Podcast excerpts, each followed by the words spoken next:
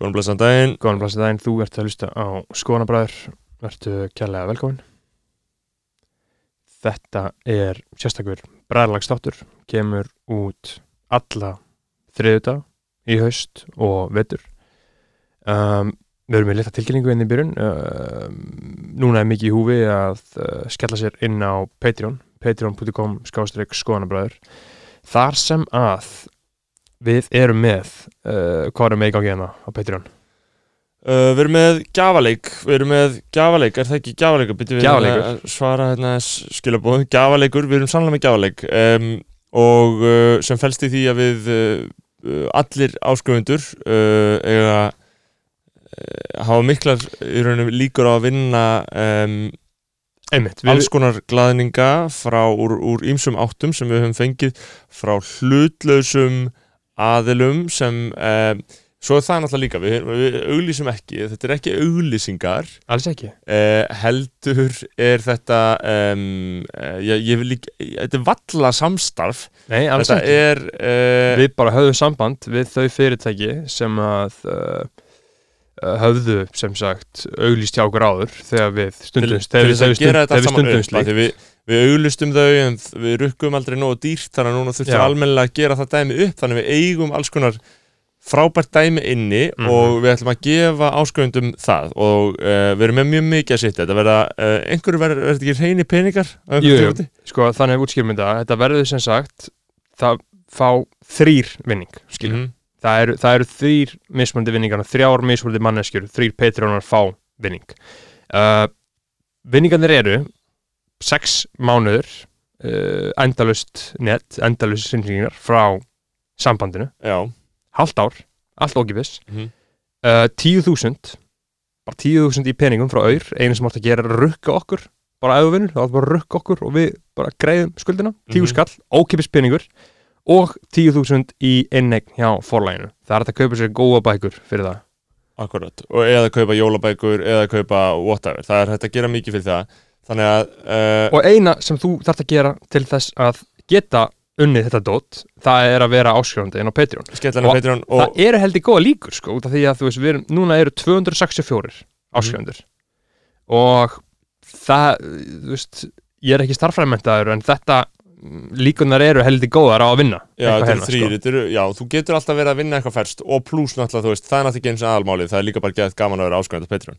Já. Um, svo við tölum ekki um það þannig að skell ykkur inn á þetta uh, og uh, líka, þú veist, það er hægt að taka það fram að þú veist, um leiður komið Patreon áskrift inn í appinu, þá getur þú fengið alla Patreon þættin okkar vikulega auka þætti uh, bara beint inn í Apple Podcasts, þannig Já, að þú- það er rosalega einfalt og þægilegt. þú farið helviti góðan aðna, einhvern svona RSS private link sem að þú ert bara tvö klikk og það er mætt þetta er sko Já, þú veist, fyr- furðulega Ég, ég er búin að Einfalt. það, ég með þetta inn á bara Patreon appinu, þú fær bara inn í Patreon appið, íti bara eitthvað á Get in Apple Podcasts eða eitthvað og Mhm. færða bara þar og þá ertu bara að byrja að fá þetta þar en ekki sérstu appið þú vilt það ekki. Þannig að Einmitt, það er mikil veistla framöndan maður. Já, ég er að að reyna að um- fokkin tegja úr mér. Klukkan er fokkin 8.30 sko. 8.30 um mánundasmotni það er einmitt sem að leggur á sig fyrir uh, brællæðið, ég er hérna ennþá að eiga samskipti við Jakob Birgisson, reyna að slökka á þeim manni hérna aðeins, uh, við erum hérna mættir í, í, á hverjuskotuna, við ætlum að, að, uh, að sagt, taka núna beint upp þáttið ekki, bara hjóli í það. Uh, uh, þá er uh, það er mikið að frétta, mikið að gerast við þarna Já, það er svo sem alveg mjög mikið að gerast. Uh, Í dag er 7. september það, er, þarna,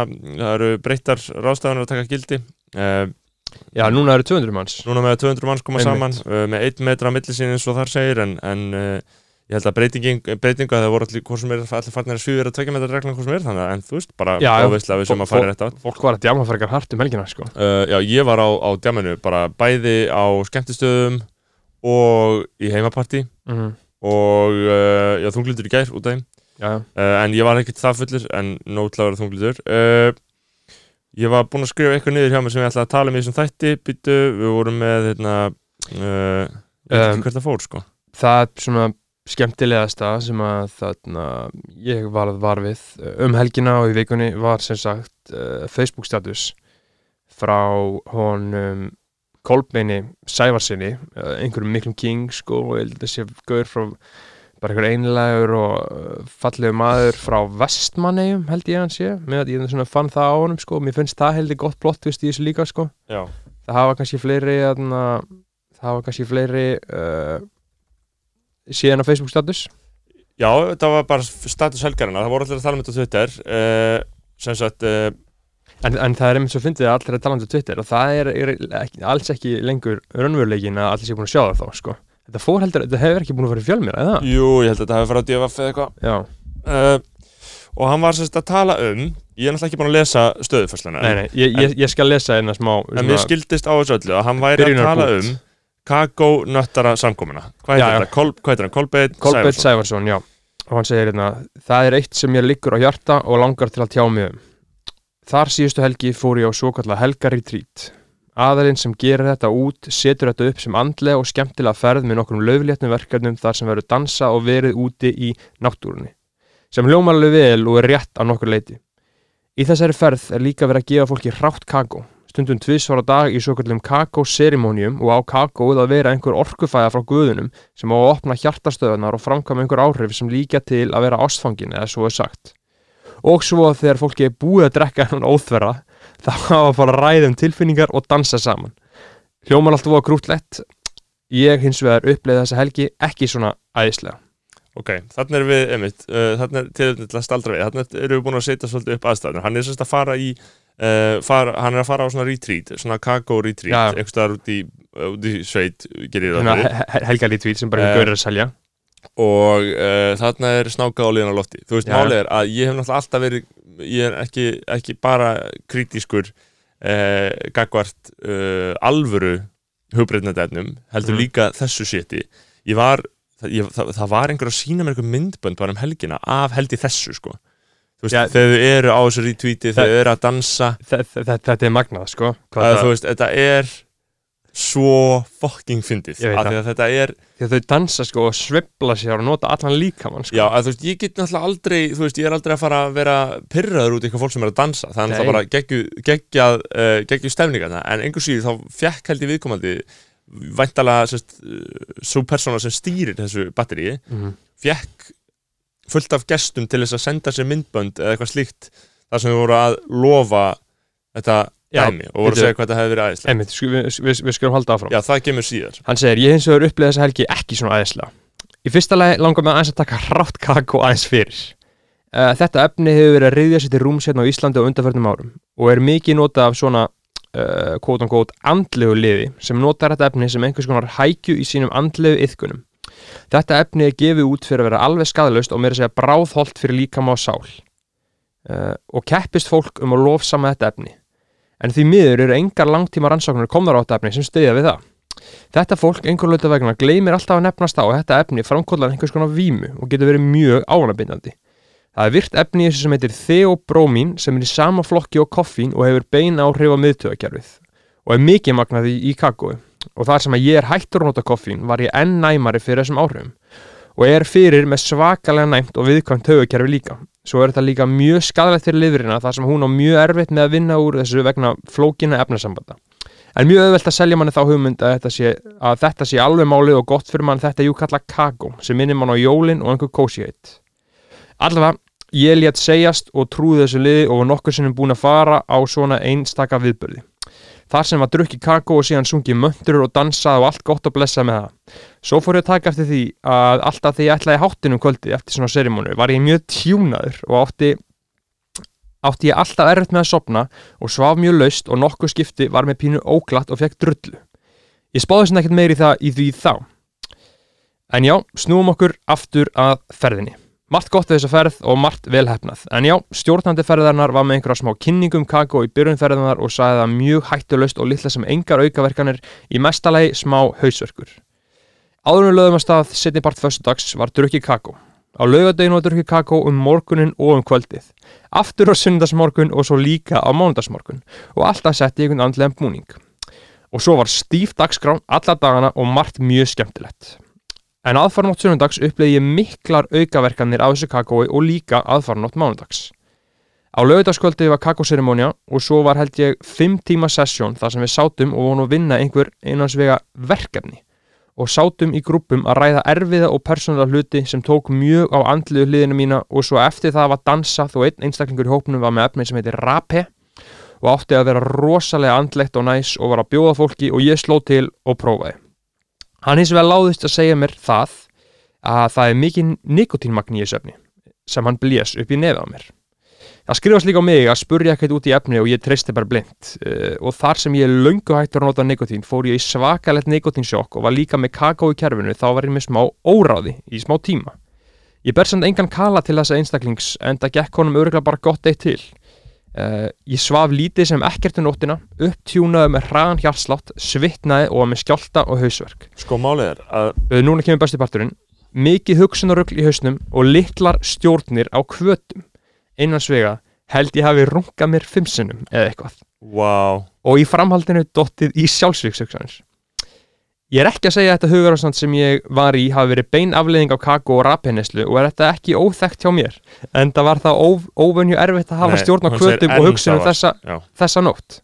Sko, já, sérst, er þetta ekki óþægt hjá mér? En það var óvenju erfitt að hafa stjórn á kvötum og hugsunum, þú veist hann veist, mér líður frekar illa bara að lesa þetta, já, mér finnst það mjög erfitt, sko að, uh, því að það sem að mér finnst svo sko, magna við þetta, þetta er, svo, þetta, veist, þetta er einlægasti Facebook status sem ég hef nokkuð til að lesa á æfuminni er, er maðurinn er- opnun, sko, maðurinn er bara að tala algjörlega beint frá hjartanum sínu. Sko ok, og og það sem er svona leiðilt að alltaf sé ekki að grína hann um hann að runga sér fimm sinnum ég, ég, þú veist mér finnst það bara eitthvað sem hann gerir, skilur uh, Þú veist. Hann, hann rungar sér fimm sinnum. Að runga sér samt fimm sinnum á einni nótt sko. það, er, er afreg sko. Já, já, ég held að, ég efast um að hann hafi verið að fá sko rað fullnæðingar í þessum sæðilegu sjálfsfróunar uh, sessjónum en ég meina sko að koma einn félagi með góða búnt sko að þú ert að runga þér fimm sinnum skilur já, yfir heila nótt. Þá ertu bókt að runga þér alla nóttina þetta tekur tím en Þú þarft að minnstakosti 8 klukkutíma í það að runga fimm sinnum sko. hann vakti allan áttina Já, uh, sko það sem ég að því að við höldum séðan kannski áfram inn í statsin en eins og ég sé þetta þá er þetta fólk bara í uh, að dópa. Þetta er bara í raun og veru það er bara að, skilur, nota efnin að þetta er geðveitt, skilur kakóið hlýtur að vera Mhm. geðveitt. Mm ég veit ekki, ég hef ekki prófað en ég hef prófað Rapey og það er geðvikt næs víma finnst mér, skilur, bara geðvikt Já. næs tilfinning Mhm. og uh, hann er mynd að segja, skilur með, með sínum skemmtilega fordómfulla hætti alltaf sett í einhvern andlegan búning já, já, já. þetta er andleg búningur á mörgu leiti, þetta, þetta er bara fólk sem er þetta er rosalega mikið, þú veist mm, gamli fíklar, mm uh, sem er að konur í einhver svona soft efni, þetta er svona svolítið svolítið þannig stemning. En ég meina, getur maður, þú veist þú, mér, mér finnst ekki rétt að flokka kakó með einhverjum efnum og frekar að flokka með kaffi sko. ég hef ekki prófað kakó, ég veit ekki hvað þetta er. Hvað, Þú hvað veist áhrif- hvað kakó er, þetta er í súkulæði Já, já, ég veit alveg hvað kakó er en þú veist, efni sált, þetta er greinlega ekki alveg súkulega sem þau eru að drekka þarna, þetta er bara er bara eitthvað hardcore úr kakóbön Já, þetta er bara eitthvað koffín eitthvað, skilur En þú veist að með kakó, það er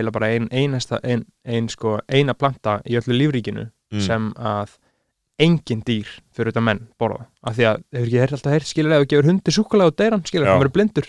Það er kakó, sko. Þetta ka kakó algjör að fokkar upp dýrum, sko. Er það ekki bara óeðlegt að, að í rauninu mennin borði þetta? þú veist, ég veit það ekki, sko. Þetta er talið vera holdt, sko.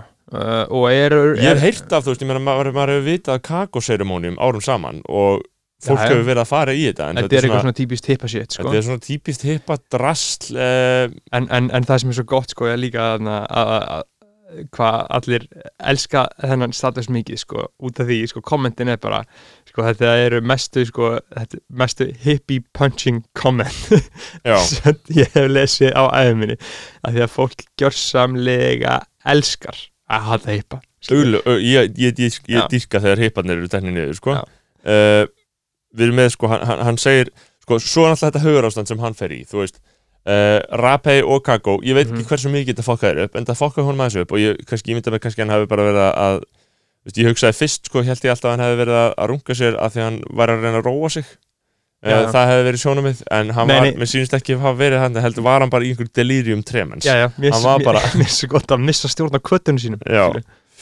uh, og svo kom sunnudags morgun og hann ósofinn og beint í kakóserimóni aftur eftir þessa hræðilega nótt að ég hef átt andvöku nætur þú veist uh, þú veist það sem að maður er að gista einhvers staðar Mhm.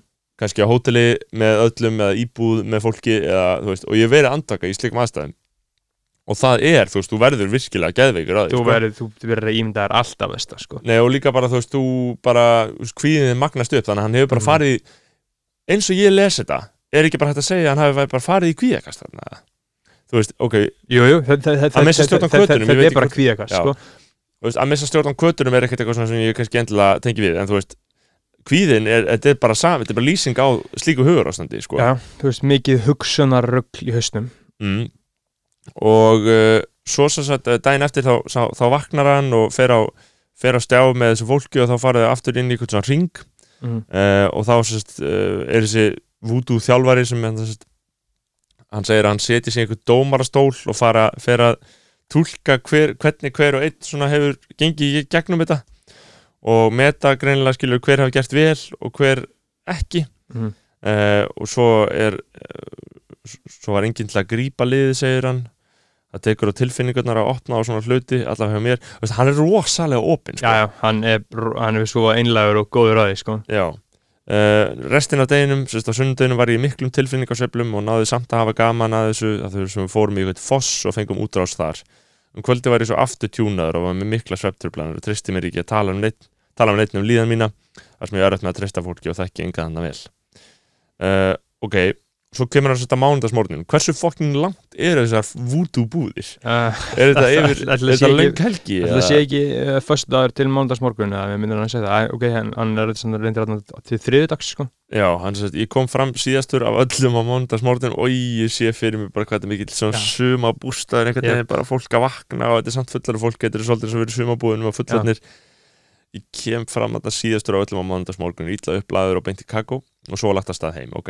ég var ekki komin heim fyrir hennar miðnætti þar sem heimferðin gekk bröðsölega fyrir sig en loksins þegar ég kom heim var ég algjörlega búin á því.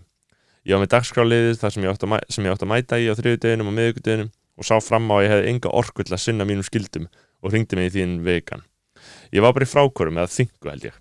Svo kom líka kvíði yfir mig, ég hafði nefnilega verið að opna á alls konar persónlega hluti í einhverju kakóvími fyrir fram á fólk sem ég aldrei séð og veit ekkert hvort ég myndi sjá það aftur og fannst það óþægilegt Þetta reyði líka við ymsum tilfinningum og enginn til að hjálpa mér að vinna úr þeim.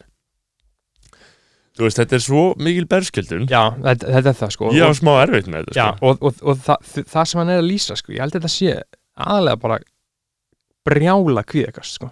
Að, Þú veist, þú verður geðveikur, skilur Því ég, ég, ég, ég tengi smá við þetta Því að, þú veist, ég hef orðið geðveikur fjóra sinum í lífi mínu, skilur Ég fengi tvö kvíðakast, skilur Já, og farið í háfjalla geðróf skilur. ég lendi í þegar ég var bara eh, að gista sko, ég var á fjalli í, ég var, var í Peru upp, upp í, í 6000 metra hæð já, og var að gista í einhverjum skúr með sko, fjallagætinum sko. gisti í skúr með honum og lág andvak allan nóttina í 6 6000 metrum og þá leið mér eins og honum bara allt búið. þú veist, þú heldur bara að lífið sé búið. Ég, ég, og varst- ég var að sætta mig við lífið sem geði eitthvað, bara orðin peppar að koma heima frá klepp. Já, Já, ég, ég lendi nákvæmlega saman sko. Og, veist, og, og þetta eru upplifana sko þegar maður verður geðveikur þegar þú bara svona raunverulega gjörsamlega missir stjórn á hausnum að þér Ég ég ég lendi í fjóru svona aðeins og þetta eru bara svona dót sem að þú veist sittu með þér uh, það sem eftir er sko. Já, já. ég lendi í þessu nokkur sunnum uh, og ég þetta veldur því líka, ég er ekki hrættar við neitt en þetta, ég er Já. ekki hrættar við neitt í öllu við heiminum en að vera geðugur mm -hmm. þess vegna lifi ég rosalega stabílu lífi Mhm. þess vegna ger ég ekki neitt vafasamt af því að ég má ekki vera geðugur ég er ekkert geðugur, ég er alveg Mhm. laus við það. Mhm. en ég er svo hrættur við af því að það er það vant, það þarf svo lítið upp á. Hjá svo mörgum. Og ég er viðkvæm manneski, skilur menn er alveg er að spila hann á brúninni sko. Já, ég menna, þú veist, ég er fullkomlega heilbreyður dag, dag frá degi, en ég veit bara. Já.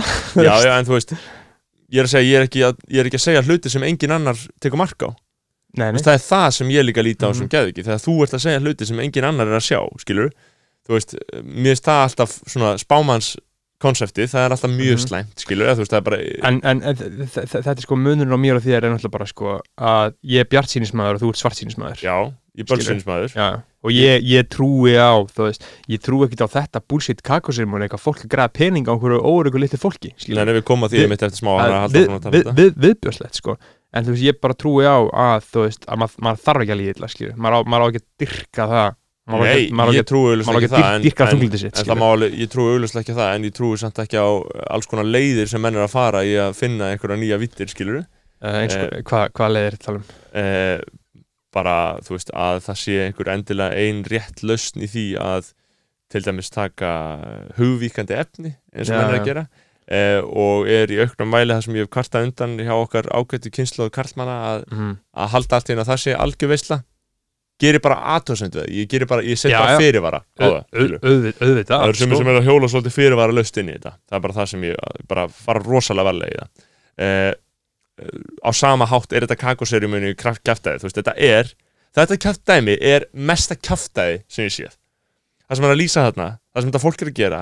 Hvernig þið, er hópað saman hvernig það setti einhverja sjálfsvinnu. Mhm. þetta er bara 100% snákólia ég, bara, ég get ekki séð annað. Já, ég, ég, ég sammálaður þú sko. veist, uh, ég, þú veist, hann heldur áfram uh, og svo heldur svo þessi stjórnandi áfram með að eitthvað fá hann í eitthvað, uh, þú veist þetta verður frekar fokkt upp hérna, hann segir það svo, þú veist, og þá færir maður þetta kvöldvæp hann segir þetta, svo á þriðudeginum hann er þetta komin heim svo á þriðudeginum hefur stjórnandinn samband við mig og tjáum mér að það sé annað verkefni sem ég verð að gera ekki setna en í dag.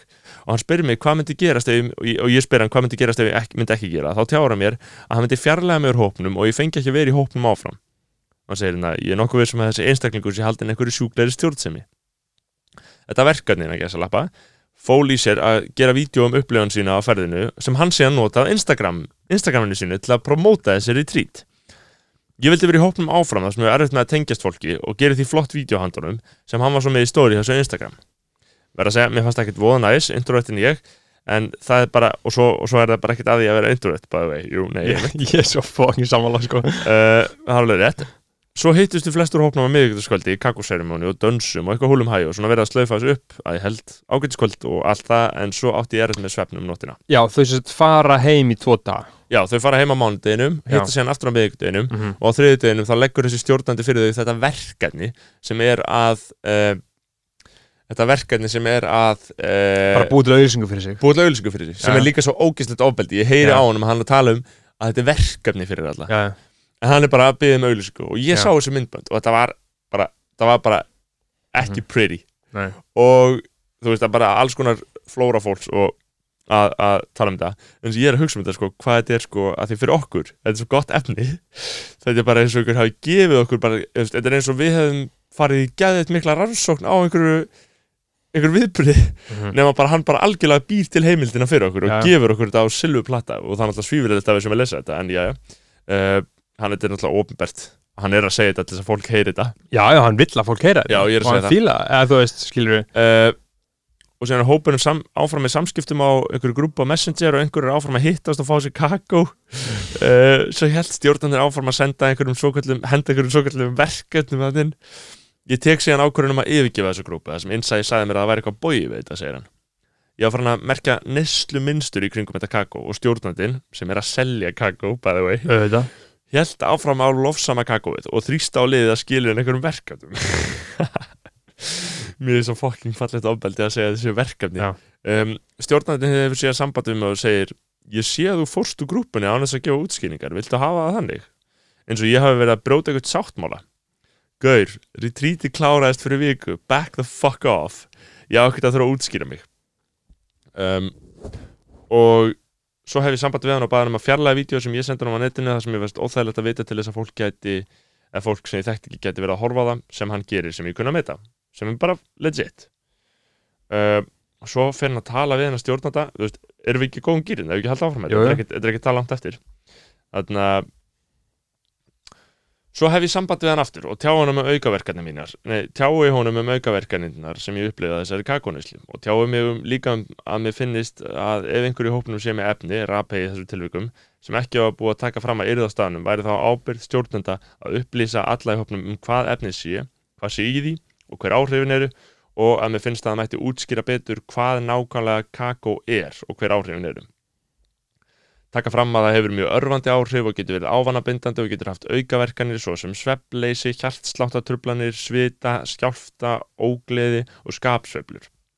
Stjórnandi tók ekki vel í þessa gaggrinni og brást við með hróka, gerði þessu stað, staðhæfingu hjá mér og reyndi að snúa þessu yfir á mig og ég væri að særa hann með þessum árásum og að væri tilætlun og samur og ég veit ekki hvað og hvað.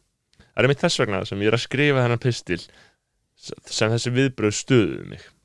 Ok, Þannig að það er með ástæðuna fyrir að skrifa þetta. Hann vill virkilega bara Já, láta fólk vita. Að þetta er snágólju sölumæður, þessi gaur. Og ég, þú veist, að ég vil ekkert heldur eitthvað vera rosalega fordóma fullu gaggart einhverju einhverju andleri viðleikni, skilur auðvitað er það bara frábært þegar fólk er, skilur Já, með eitthvað, þú veist, and, eitthvað aðeins annað dæmi í gangi en Já, það sem er í gangi í samfélaginu, skilur bara flott flott ef að, að fólk finnur sér í einhverju svona dóti, sko. Um, og þá segir hann, og hann er sammála hann Kolbeinn, hann segir uh, ekki miskila mig, ég er ekki að setja neitt út af það að fólk sé að fá sér kakó og svoleiðis, bara í góðu lagi með það og margir hafa gott og gaman af. Ég vil bara eigða þessari blekkingu að kakó sé ykkur ofur fæða og sé allra meina bót og hafi lítið sem engin skali áhrif það er búið að skreita þetta með andlu glimmeri og mála þetta upp sem eitthvað yfirnáttúrulegt stöf jú, jú, það er einhver steinefni og svona í þessu líka sem eru góð fyrir mann en hei, það að líka eitthvað það er líka eitthvað drast í tequila sem er gott fyrir mann en flestir vita þó að það hefur hugbreyndandi áhrif og getur verið ánabindandi Þegar sannleikurinn sá að svona kakóserimónir eru bara það nákvæmlega sama og að sitja við aðrnælt með bjór og glamra og gítar og syngja saman og fara svo á trúnu. Ranko svo við sér daginn eftir að hugsa af hverju anskotanum var ég að segja liði frá þessu. sko ég, ég alltaf vorkinni, ég er mikla samúð á þessum punkti, sko um, hann var greinilega að fokkin segja frá, sko, Já, þetta ok. var eitthvað Sko, ég, ég, ég, þetta er bara svona gaur eins og hann hefur sagt á hann, er erfitt með að tengjast fólki, skilur og þú veist, er erfitt með að koma sér inn í hóp og eitthvað og loks hittir hann eitthvað fólk, skilur og stemmingin er að þú opnið skilur stemmingin er bara að þú segir bara eitthvað frá einhverju tráma eða frá hvernig þú lifir lífinu og eitthvað. Og hann auðvitað hefur bara tekið það to heart, skilur mm. og sagt fólki frá þessu og síðan bara sé eftir þessu að hann var svo, fucking- að því hann var svo svífurtur að þessum náunga og þessu kakói. Já, ég vil bara, ég, ég, ég mikla saman með og segja allir þessu liði frá þessu. Og síðan bara nema að það er búið að setja þessa neysluvenn í einhvern andlegan fallegan búning. Fólk er bara að koma saman innbyrðu hugbreytnandi efni svo það geta aðeins slaka á hömulnum og lift sér upp saman af því að einhver luta vegna finnst flestu fólki erfiðara að gera það algjörlega allskáð og ég er ekki að setja út á neysluvennu heldur, en það eru við flest með einhverjar eins og að ég ekki undanskilin þar ég vil bara hluti séu sagðir eins og þeir eru kakó er hugbreytandi efni sem er mjög áhannibindi ekkert fólk þar að það og þeir sem er að bjóða fólki upp á þetta megi alveg vera duglegri við að tjá fólki það. Þegar ég áttaði mig á þessu tók ég ákvörðunum að snar hætta að einbreyta sull því ekki bara það að víman er umuleg þá er þetta líka viðbjóðslegt á bragðið. Ég geti alveg eins verið heimi á mér að sjúa kókain og sannfært mig um það að það þjóna einhverjum andlegum tilgangi sem ég geri samt ekki, punktur, punktur, punktur, punktur, lengur. Já, hann segir líka einnig sko, að fá sér kakobólla er bara það sama að fá sér skot, línu eða jónu eða hvað sem fólk Já. fílar Já. um, Ok, já, allt sem hann segir er hans skoðun, ekki vísindilegt og síðan, hann, síðan linkar hann á nokkrar greinar. Einmitt linkar nokkuð greinar um eitthvað, um veist. skaðsemi hrás kakós. Uh, og uh, bara hægt að lesa þær. Um, svo finnst mér líka svolítið fyndið, segir hann. Það er alveg nokkru svona hópar á Íslandi sem er alveg all inn í þessu kakó og eru ofta að halda seremóniur og bjóða fólki enga þjálfun í einhverjum kakóhulustlega andlegu ferðalagi og eru auðvitað að hala inn eitthvað af peningum svo komst ég að því að flestir eru að nota ágóðan í að fara í ferði til Guatemala sem á að vera rosalega heilagur staður og mesta kakóinu kemur þaðan. Ok, þetta er áhugavert. Þetta er mjög áhugavert af því að þegar ég var í Kólumbíu þá var ég sem sagt í aðna, uh, fór í einhvern jókatíma já, einhvern svona hippum sko. Og þú veist, maður sagði, alltaf að vera frá Íslandi og fólki fannst það magnað sko. Uh, þar hitti ég einhverja breska konu sem að var í Guatemala með Íslendingum sem voru að stopna kakó fyrirtæki þar já, og mitt þannig að ég, þú veist, var, hitti konu sem hitti þetta fólk sko og sagði alltaf bara að vera aðeinsleg sko. En allir þessi Íslendingar eru að eru aðna í Guatemala, fara þangað og kaupa þetta í bölki sko. Og þú veist, og ég, eins og segi ég er ekki á móti því, mér finnst það frekar áhugavert að þau séu að stopna kakó fyrirtæki á Íslandi með því að fara þarna, auðvitað að tala um einhverja byrgja sem eru með Mhm. þetta dæmi í gangi.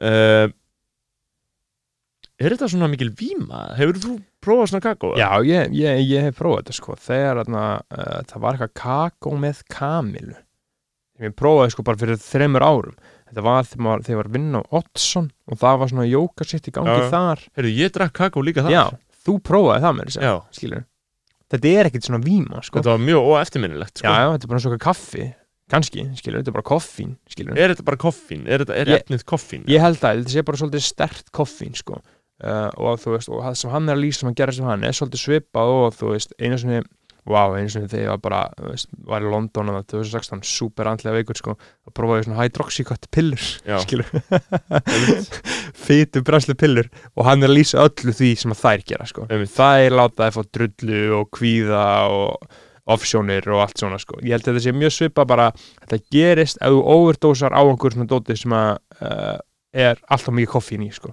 Að því ómikið koffín, ég myndi að vera væri bara fucking bombi 180 mg nokko fyrir söfn skilur þá vantalega að fara kvíða og herslatröflun og allt þetta.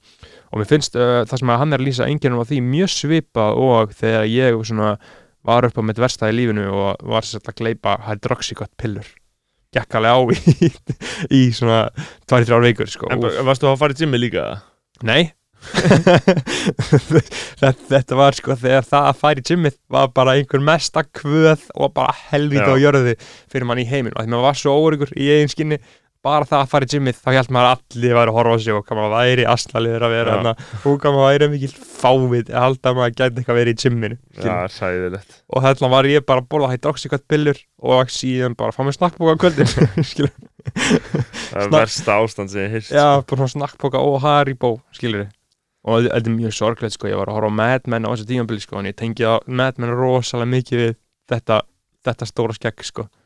Ég skeggið samt sko, skeggið náttúrulega fylgir manni lengi. Ég var í gær bara í sundum Ég langaði svo mikið að kaupa mér stóran snakkboka eftir sundið. Já.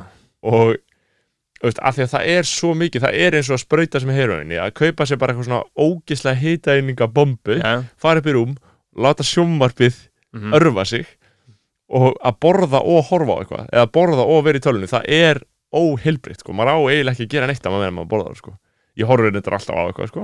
Ég hlusta alltaf á eitthvað. Já, ég hlusta, Mér finnst það oft, sko, ég er orðin það einhverju, sko, að mér finnst það pyrrandi ég er að borða með einhverjum, með einhverjum. Það er Ég get, að ekki verið að hlusta á eitthvað. Ég held að þetta hljóta er algengt og margir sem er að hlusta á góðu skoðanabræður að með þeirra að geta e, einmitt. og að, með þeirra að strauja með þeirra, ég, ég strauja mikið og hlusta á eitthvað já, ég er alltaf, ég, ég strauja ekki, sko Uh, Ég er alltaf bara í krumpuðum skiptum, sko mm. en hérna uh, ég er nefnilega svo algjörlega rosalega háð því að vera einbyrða efni sko. það er bara, ég, við vorum að tala um daginn, sko, þú veist að bara einbyrða efni hvers konar ég verð annarkvort að vera, eiginlega allan dag þá verð ég annarkvort að vera að lesa eða hlusta eða horfa já, mér, mér finnst ég vera að sóa tíma ef ég gera ekki Já, og stundum er maður kannski að tala um fólk og samræðinar er ekki áhugaverðar eða, eða nærandi og þá er Já. maður að hugsa mitt, hm, ég getur að hlusta á eitthvað mjög Já.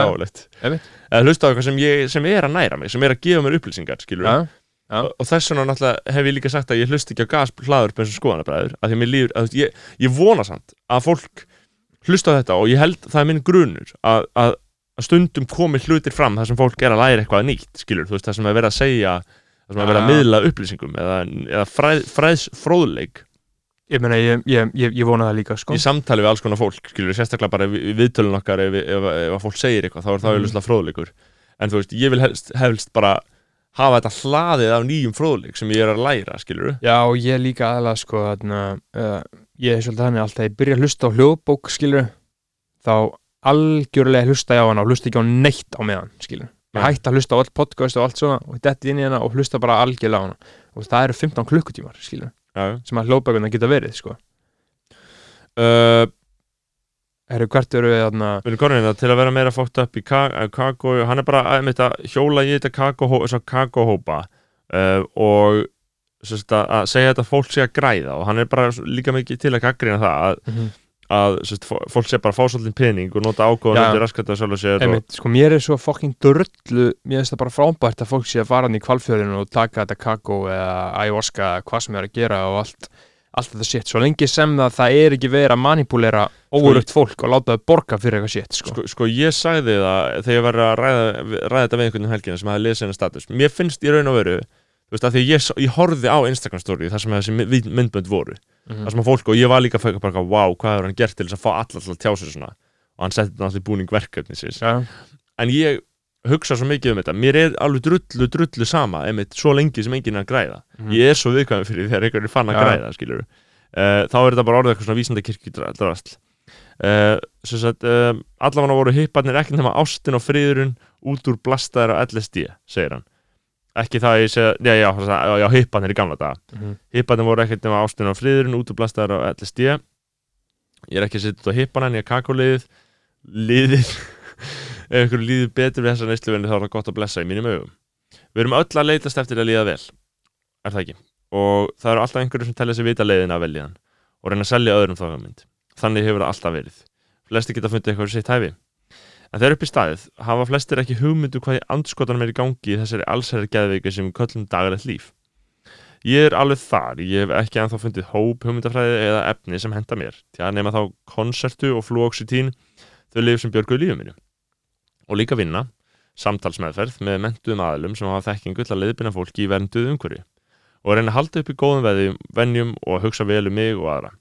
En ég hef prófað alls konar að vera ofin fyrir nýjungum og mér finnst þetta mikilvægt sem maður segir sko, Mhm. uh, við erum öll bara að leitast eftir að líða vel. En það er alltaf einhverju sem telja sig vita leiðin að velja og reyna að selja öðrum þá hugmynd. Þannig hefur það alltaf verið. Og þetta er kjarni málsins. Ég, það er bara svo hræðilegt. Þegar fólk er að herja á viðkvæmt fólk eða Já. tala við viðkvæmt fólk. Og það eru svona 20 fyrirtæki á Íslandi sem er að gera þetta sko. Já, ég held að bara alltaf kapitalismi samþykir þá góðu forsöndu að Mhm. það sé alltaf lægi að gera þetta til þess að selja vöruna þeirna, skilur mm.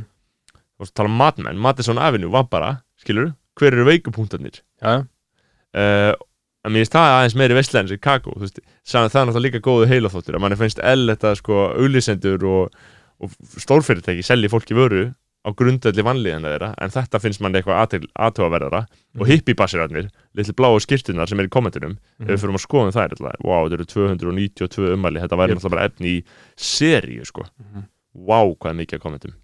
En þetta, þetta, þetta er náttúrulega svo fyndið sko svona, þessi hippar uh, kapitalísku hippanir alt-right hippanir sko sem að eru það, sem að eru í rauninni að græða hana pening.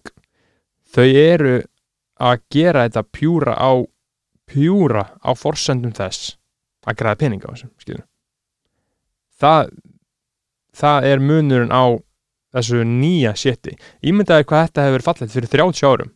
Bara eitthvað kakoserimann á Íslandi. Það var Mm. mm. ekkert verið að rukka fyrir það, skilur Nei, þetta er bara eitthvað fallið er bara einhverju svona einhverju 90s hippar, skilur já, síðan er, er maður með sko samtölun á milli þeirra.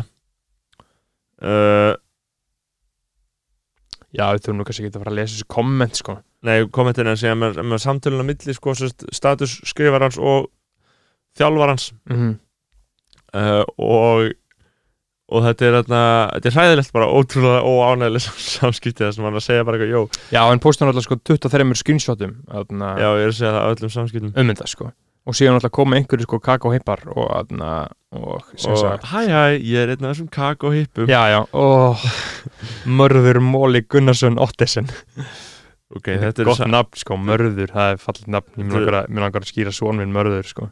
Þú veist það var sko út af, út af merði valgar sinni í njálu þá var, voru ekki þú veist, Íslandingabók já, það, það, það gerði nafnið neikvætt já, þú veist, að- Já. það gerði nafni mjög neikvægt og það var Já. bara engin skýrður þessu nafni Nei. bara í 6 eða 7 ár nei, Mhm. 6 eða 7 aldir út af njálu minni mig, sko, Mhm.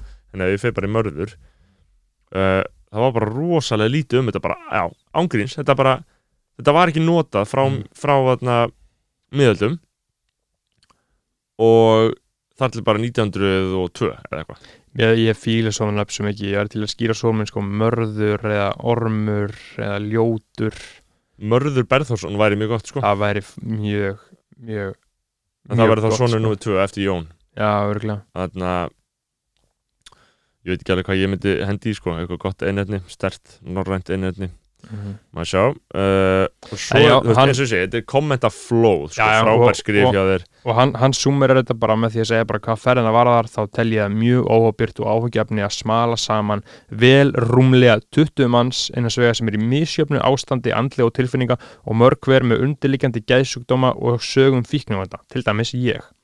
Og dæli það örfandi efnum og þrista á það að tala um erfiða hluti, pæli að þrista á það að tala um erfiða hluti, djúðlega ógislegt með þér og að sem verðist bara einn einstaklingur sem sér um að halda utan um hópin og alla þá sálfræðilega aðstóð sem hann tilur hópin þurfa og guð einn veit hvort að þessum aðala sé tristandi fyrir því verkefni. Ég er nokkuð vissum að svo sé ekki og neyta síðan að taka ábyrðu hópnum og afleðingunum af því sem hann lætur hópin gera. Þetta er eldfumur koktill að mínu mati. Ég er sammála.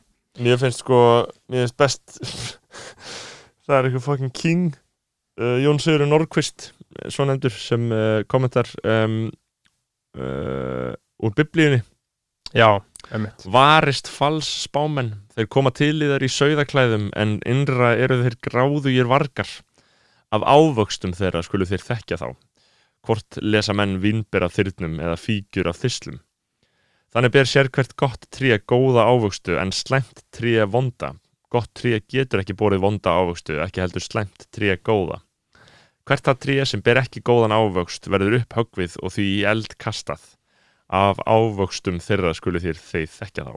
Þetta er svo geðvitt og Já. þetta er líka sem ekki sannleikur og Vá, bib- biblían er svo... bara hvað er sem maður fokkar að selja hver, er- hverjir eru ávextinir Já.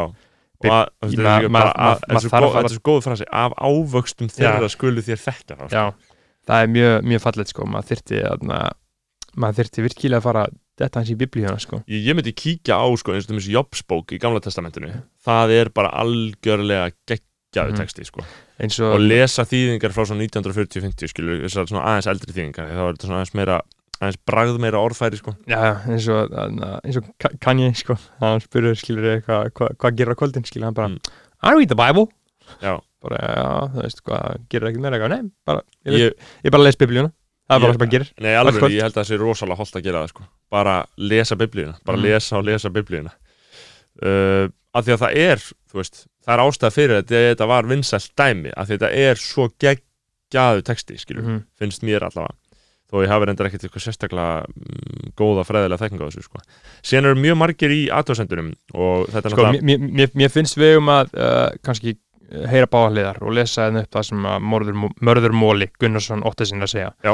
Hæ hæ, ég er einn af kakóheipunum hef lifað kakóheimin seinustu ár og hef verið í þessum heimi frá fyrstu opnu aðtöfninni á Íslandi Ég sammála því að það hefði átt að útskýra mögulega neikvæð hlið kakósins sem og að taka við gaggrinu á ábyrðanátt í stað þess að fara í undarlegan skæting. Ég hef verið mestmæknis í Guatemala senst ár, búið á kakóbíli þar sem ég lærði allt frá frjóðkun til aðferða við að innbyrða kakóið en ég er garðirkjumadur og hef huga á að rekta kakó. Ég hef sé æðislega hliða kakómenningar og líka hryllilega hliðar, bæði vegna óábyrgra viðbröðhaldara og einstaklingar sem fóru yfir líkanlega mörg sín. Ég vil gjartan læra meira um upplifanir fólks að kakói. Þá er sérstaklega neikvæður upplifanir því þá er hægt að vara fólk við, búa það undir eða koma í vekk fyrir þær ef nægileg kunnóta til staðar. Varðandi líkamlega enginni þín þá langar mig að deila hvað ég tel líklegar orsakir tengt kakóinu.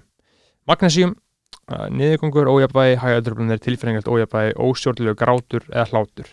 Þetta getur allt orsakast að háu hlutfallega meltanlega magga, ég þurfum ekki að lesa þetta, ógrinni, af alls konar efnum og flókin og svo er þetta teobrómin sko. Er Já. að tala um þetta teobrómin það er æðavíkandi efnasamband sem þýr að meira blóðfælaði til staðar. Hjartatöflunir, svitaköst, óþægindi, vaskortur það er kakóið held ég sko. Já, þetta getur passa illa við einhver ákveðin lif og já, já, og, en veist, hann er að svona, taka statusin hans og, og, og kommenta á móti, skilur eins og hann segir hérna man ekki nöfn, ógrinni af alls konar veist, hann er að taka hann að koppi frá honum og skrifa ekki í rauninu rög já, já, Eh, ég, ég, mér finnst alveg eðlilegt að hann sé að svolítið bara svara þessar grein og, en við skulum sjá hvernig, hvern, hverju hann klikkir út með. Hann segir að uh, uh, ég held ekki opna ratarnir að fræ, hræðist að vera gúrú fyrir einhverjum ég tel því fylgja ótrúlega ábyrð og halda utan um atarnir og búa til rými þessum fólk eru örugt Það er rétt Ég skal gladur deila því sem ég hef lært en mér sýnist flest sem er gaggrínt tengjast viðburðahaldara en ekki kakóinu sjálfu. Ég er sammála því líka. Mér sýnist sem það hafi verið of mikið, kakó fyrir líkamlega og geðhelsulemar þólmar fólks. Uh, þetta er allan það sem ég hef lært á þessum árum sem ég hef sankað mér upplýsingum á rannsóknum því miður er ekki nógu mikið af faglegum rannsóknum en ógrinni af ítalegum síðum sem hafa svo sem ekki sitt til stuðnings. Uh, allir hafa rétt á skoðunum en það eru bara sögur. Neysla matvæla þarf að vera ábyrg saman hvort það sé kína, káli eða kakó. Já, hann skrifar þetta bara útskýra og mér finnst þetta bara mjög góð aðtöðsend Já, sko. það er náttúrulega leðilt fyrir hann, Mörð Móla því að hann er kannski bara einhver, þú veist, kakó king og bara liður fyrir þetta sitt og Já, bara og gera það- þetta á og heilbriðan hátt og, bara, rauninni og hef, hefur atvinni af þessu að gera þetta á heilbriðan máta sko. það sem þarf í rauninni það sem ég finnst í rauninni bara kjarni málsinsina er að það er náttúrulega bara hræðilegt að það sé verið að misnota einhver svona efni. Þú veist, eh, vandamálið er ekkit kakó vandamálið er bara einhver það er, grein, það, það er greinlega bara eitthvað skam ala amerikana þarna í gangi. Þú veist, Mm. þau eru bara, hann er bara að með einhverja veistli í gangi sem er bara ekkit veistlega í raun og veru þessi viðbrahaldari held ég sko. Um, Já, hann er bara eitthvað brjálæð einhver um, Já, svona, þú veist. Já, eða bara eitthvað svona, og vá hvað er mikið kommentum Ég náttúrulega væri líklega til þess að, þú veist, ef þetta væri eitthvað aðeins svona meira sem ég hef áhuga á það er svo fyndið að Frosti Lóðarsson sé að kommenta. Hvað er hann að segja? hann sér sælkolbein, takk fyrir mjög fróðlegan og upplýsandi pistil, ertu til í að heyra þess í mér? Uh, hann sést að reyna að fá hann í Þáttinn, þáttinn. Uh, Auðvitað. 19 likes á Frosta, það veit allir hvað er í gangi. Mhm. um, Kannski ég búin að fara? Ég veit það ekki, það er náttúrulega væri kannski í kvöld eða eitthvað, ég veit ekki alveg hvernig það væri en, en ég hef alveg áhugaðið að sjá það. En, en mér finnst þetta náttúrulega bara að opna umræðina uh, og sko það er alltaf tímaspyrsmál þannig að eitthvað kemur svona og núna er þetta veist, eftir svona status og eftir svona samfélagsmiðla sprengjur Já, þá verður þetta smá svona, þú veist, það er svona smá umræða og þá byrja svona fleira og fleira fólka því að fyrir tveimur árum það er líklega bara að geta nálgast hvert sem er og sagt bara kakó. Og fólk hefði bara, þú veist, bláa skýrtan hefði ekkert vita hvað að vera að tala um, nei. uh, hún væri bara, hún er bara niður í HR, skilur uh, en núna er bláa skýrtan að heyra að þessu, Já, já, og mynda sér, mynda sér skoðanir og sko. mynda sér, þú veist, hugsanlega fordómanfullar skoðanir en uh, ég held en, að, en, en síðan líka, síðan er líka fyndið sko, ég, meina, ég hef stæka fordóman fyrir þessu, að, að þú getur ekkert boksa bláa skýrtuna endilega svo mikið inn sko. Nei. að því síðan eru fullt á alltaf gaurum sem að fíla svona shit Já, sko. algjörlega, það er, þetta, veist. það er þetta sem er svona þessan kent við hennan samtíma, Já. sem er þetta Joe Rogan wave Já, út af því að skilur bankafeministarnir eru alveg mikið eitthvað í kvalfyrunum í einhverju svona shiti sko og, og bara einhverju svona umhverfisinnar sko. Já, það er svo fyndið að vera nazi en vera samt uh, andlegur, andlegur nazi. Já. það er nafnið á þessum þætti, að vera andlegur nazi. Já, já, og, og, Eh. og þa- það er náttúrulega líka alltræði teipanir sko. Já. þú veist, þetta eru alltræði teipar skilur heldur þú, hvað, hva, manstu hvað hann heitir? Megum við nafngreina gaurinn sem að, að er þessi gúru, hann heitir eitthvað Óttarsson. Ég man ekki hvað hann heitir sko. ég, man ekki hvað hann heitir. Hann, heldur hann sé alltaf að tippi það? já, hann er pottitt alltræði teipi sko. Gauð, það er rosalega algengt. Já. þegar ég er að hugsa út í það. Það er Joe Rogan waveið, mm skilur Mhm. að að hlusta Joe Rogan, þegar Joe Rogan er hann er alltaf rætt sympathizer ef hann er ekki alltaf rætt sjálfur. hann, hann er alltræði sympathízer en hann er samt, Kára Stefánsson, hann er ríkur sósialisti já, já, skilur. að einhverju leiti, skilur og hann er með svona áhugaverða stjórnmálahugmyndir, ég skil það alveg, skilur en, eða þú veist, hann bara hugsar 100% sjálfstætt en sem er slæmt fyrir alla krakkana því að þeir hugsa ekki sjálfstætt og hugsa eins og hann af því þeir fá hann og Jordan Peterson skilur, af því Jordan Já. Peterson er allt rætt skilur, en Mhm. þessi hippa þessi hippa kultúr, pluss Jordan Peterson pluss allt bara, það er algjört glitch og þú veist. Þetta, þetta, þetta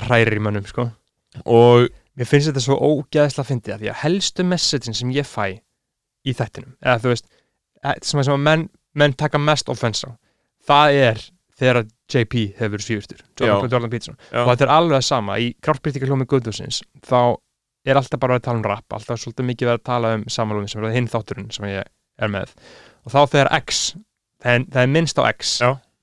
og hann er svífustur, hann er eiginlega alltaf svífustur menn eiginlega bara að segja bara á hann er ógeð og byrjusmaður og ég vil ekki heyra hann þá fæ ég fjögur fimm message sko á, frá, frá gaurum sem er að vernda hann. einhverjum Og send- mettu og senda mér bara greinar og bara staðreindir og bara vernda hann, skilur bara, veist, þetta er svo aðteglisverð tilheng ég er að reyna að finna þetta hjá mér þegar maður er alltaf gaggrin aðra og sér ekki bjálkan í Einmitt. hvar er maður að taka hanskan upp?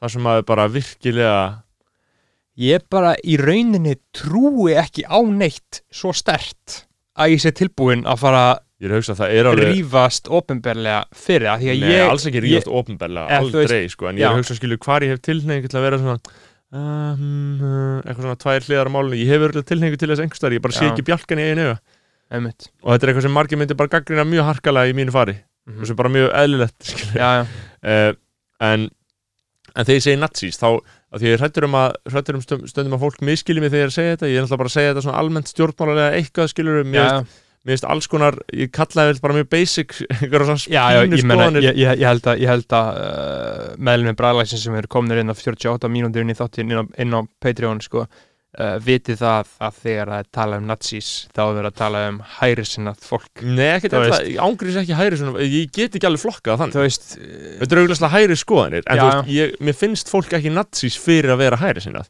Mér finnst það nazís þegar það er með nazí skoðanir. Já, já, En mér finnst líka bara einhver nazí sem ég hitti og er smá skrítin eða eitthvað. Eða þú veist bara, já, það er ekki smá nazí Þú veist, mm, mér finnst þetta, þetta er mjög saklýslegt Þannig að fólk fari ekki að taka þetta mjög nærri sér. Já, já, eh, að eh, þetta er bara svona orð, orðræði þróun og þú veist að því að ég var, ég var að tala við þetta með vinn minn um daginn að því að hann hlustar á þáttin og við vorum að ræða þetta konsept að, að þú veist að sé kannski svolítið yfirgengilegt að, að kalla fólk sem er ekki alveg sammálaðir í stjórnmálum uh, nazís já, já, en þú veist, ég var að segja og, og hann var að segja bara sérstaklega það sem þú hefur dæmis verið í Þýskalandi skilu, það sem að það kannski frekar óæðilegt að gera þetta. Það, þú, þú, En- en þú, það þú ég- kæmist ekkert upp með þetta í Þísklandi Nei, en það sem ég var að segja það er að ég tek þetta frá Þýskalandi. Já. þar er algjörlega búið að gengisveitla þetta konsept Mhm. og þú kalla hvert sem er bara nazís Það? semi, þú veist, AFD, öfgahæri flokkurinn Mm -hmm. allir sem eru svona liberal ógeð eins og við Mm. þeir kalla þá nazís Ok, ég haldi að það væri geðvett tabú að nota þetta orð það er það sem ég fyndi við þetta ég myndi líklega ekki segja þetta nema ef ég Mm. hefði verið í Þýskalandi af því þetta er svo mikið umræðinu þar allan að hjá svona sérstaklega vilda vinstrinu skilur Mm. þegar það er bara Twitter og bara já nazís þú veist, Já, að já nazís þú veist og síðan ertu líka bara með þú veist þarna um, bara mest mainstream podcasti þar þar er gauður sem heitir Olli Schultz og hann var að tala um það bara í síðasta hlaðvarpi að hann var í, uh, fari í almenningskarð og þá voru þetta að segja hann um að að vera með grímu, hann glemdi grímun út í bíl og vörðurinn sem þegar hann kom inn þá var hann ekki með grímu, þá var verið að skamma hann. Þegar hann kom í afgriðslu, hann var ekki með grímu og sagt að snúast og, og þá sagði hann, ég sæs nazís og sagðist hann hafa hugsað það. Fokkin skýta nazistættir ykkar Mhm. og þá hugsaði ég bara, já ok, þetta er bara alveg gengisfælt, það var ekki eins og pólitísk, skilur Mhm. Gauður ég eins og fólki í útarfinu stundur þegar að hugsa um hlusta morgunfrétnar og kemur svona smá krakki í röddinni hjá okkur og þá kemur svona þá slögt á hljóðinu. slökkaður megnum að það eru hó- 25 úr manns að hlusta. Hóstaði harkalega. Og græða. En uh, hvað sem öllu því líður. Við erum búin að gera þessu góð skil og ég held að punkturinn í þessu kakó dæmi sé það sem við sögum þetta er vandamálið er fólk sem er að reyna að græða á veiklikum fólks Mhm. ekki efnið, ég held að efnið sé bara áhugavert ég verði alveg til að prófa einhverja kakódæmi. ég var alveg til að fokka mér upp á einhverju kakó og fara í einhverja góða andlega seremóni við höfum farið í Mhm. svetti á mjög ánæða þar. Fór, tókum, uh, tókum smá rapé þar Já, ég, ég, ég hef gert þetta mest allt sko, Já. þetta er fokkin veistla sko, ég hefndi alltaf uh, hvetja fólk til að fylgja eigin innsæði og sannfæringu í þessum málum ég er mjög spenntur að fara til Suður Ameríku og fara í þessi andlegu ferðalag kynna sér eitthvað nýtt sko, já, er mjög, mjög, hérna, ég að aftur í, aftur til Perú, sko, þótt að ég mæla ekki með Perú sem landi, sko, en upp á þetta að gera, sko, uh, eitthvað svona ayahuasca retreat og eitthvað svona, sko, þú veist, mér langar til að gera það kannski þegar ég er svona þrítur, skilur, þú veist, eftir svona fimm á þegar ég er alveg svona vonandi búin að átta mig á hvað ég vil út úr lífinu, sko, já, ég vaskanu já, Já, ég mun gera það svona 40-50 Ég mun gera þetta allt svona 40-50 sko, þegar ég Já. er komin í öruga höfn sko, og ef ég sé, skilur, já, ok, ef ég verð geðugur þá er ég á ég er ekki það mikið eftir það fer ég 50 inn á Já. hæli skilur, Einmitt, einmitt, en þú veist í öllum svona dæmi þá aðna, uh, á maður bara 100% að fylgja eigin sannfæringu og innsæi og ekki sko, að ég held að sé svolítið mikið sko að maður svona sér uh, í svona mönnum sem maður svona uh, veit af að þá ef, ef einhver sem að þú lítur ekki mikið upp til mm. Er geðið mikið í þessu skilur og þú horfir upp til, lítur upp til hans og svona bara geðið mikla virðingu fyrir honum út af einhverju öðru það þá, þá fylgir honum geðið mikið í þessu líka skilur. Það er málið Uh, og, Um, og, og kannski þetta sé ekkit endalega fyrir þig sko. það er að því að bara menn eru bara smá týndir í lífinu og skortir sko eigin einri styrk til þess að móta með sér sjálfstæðar uh, skoðanir sko, sko. þessi er að þáttu kemur út á morgun en en frett dagsins að við þurfum að fara að hætta uh, eins mikið og við viljum gasa það er líka fínt fyrir okkur að halda þessu bara snögg og góðu sko. Já, þetta já. er bara, já, þetta við, er bara við, einn stutt í vikulegi já, sko. við förum ekki við klukktíma við sko. förum ekki yfir klukkum með, þessu sko. um, þá er sem sagt Jón Baldin ég sá Hannibalsson það, J-? JB JB, hann hefur sem sagt verið kærður af saksóknara mm. uh, fyrir uh, kynferðis um, og hann Brot. sagði frá því í morgunblæðinu eða ekki? Já, á, hann er með heilsíðu grein. Já, hann Svo- talar, hann, hann, hann tilkynir já, já, þú veist, hann bara veit að þetta annars kemur þetta út, skilur Já. en uh, þetta er heilsíðu grein ótrúlega langt. Um, það sem að sem sagt, uh, honum hefur borist kæra frá aðstofa saksóknara á hendur honum, sakarefni er meint kynferðisbrot á mínu eigin heimili gagvart gest komandi konu. Um, og ég veit ekki alveg þarna hvað í fokkanum er að frétta þarna?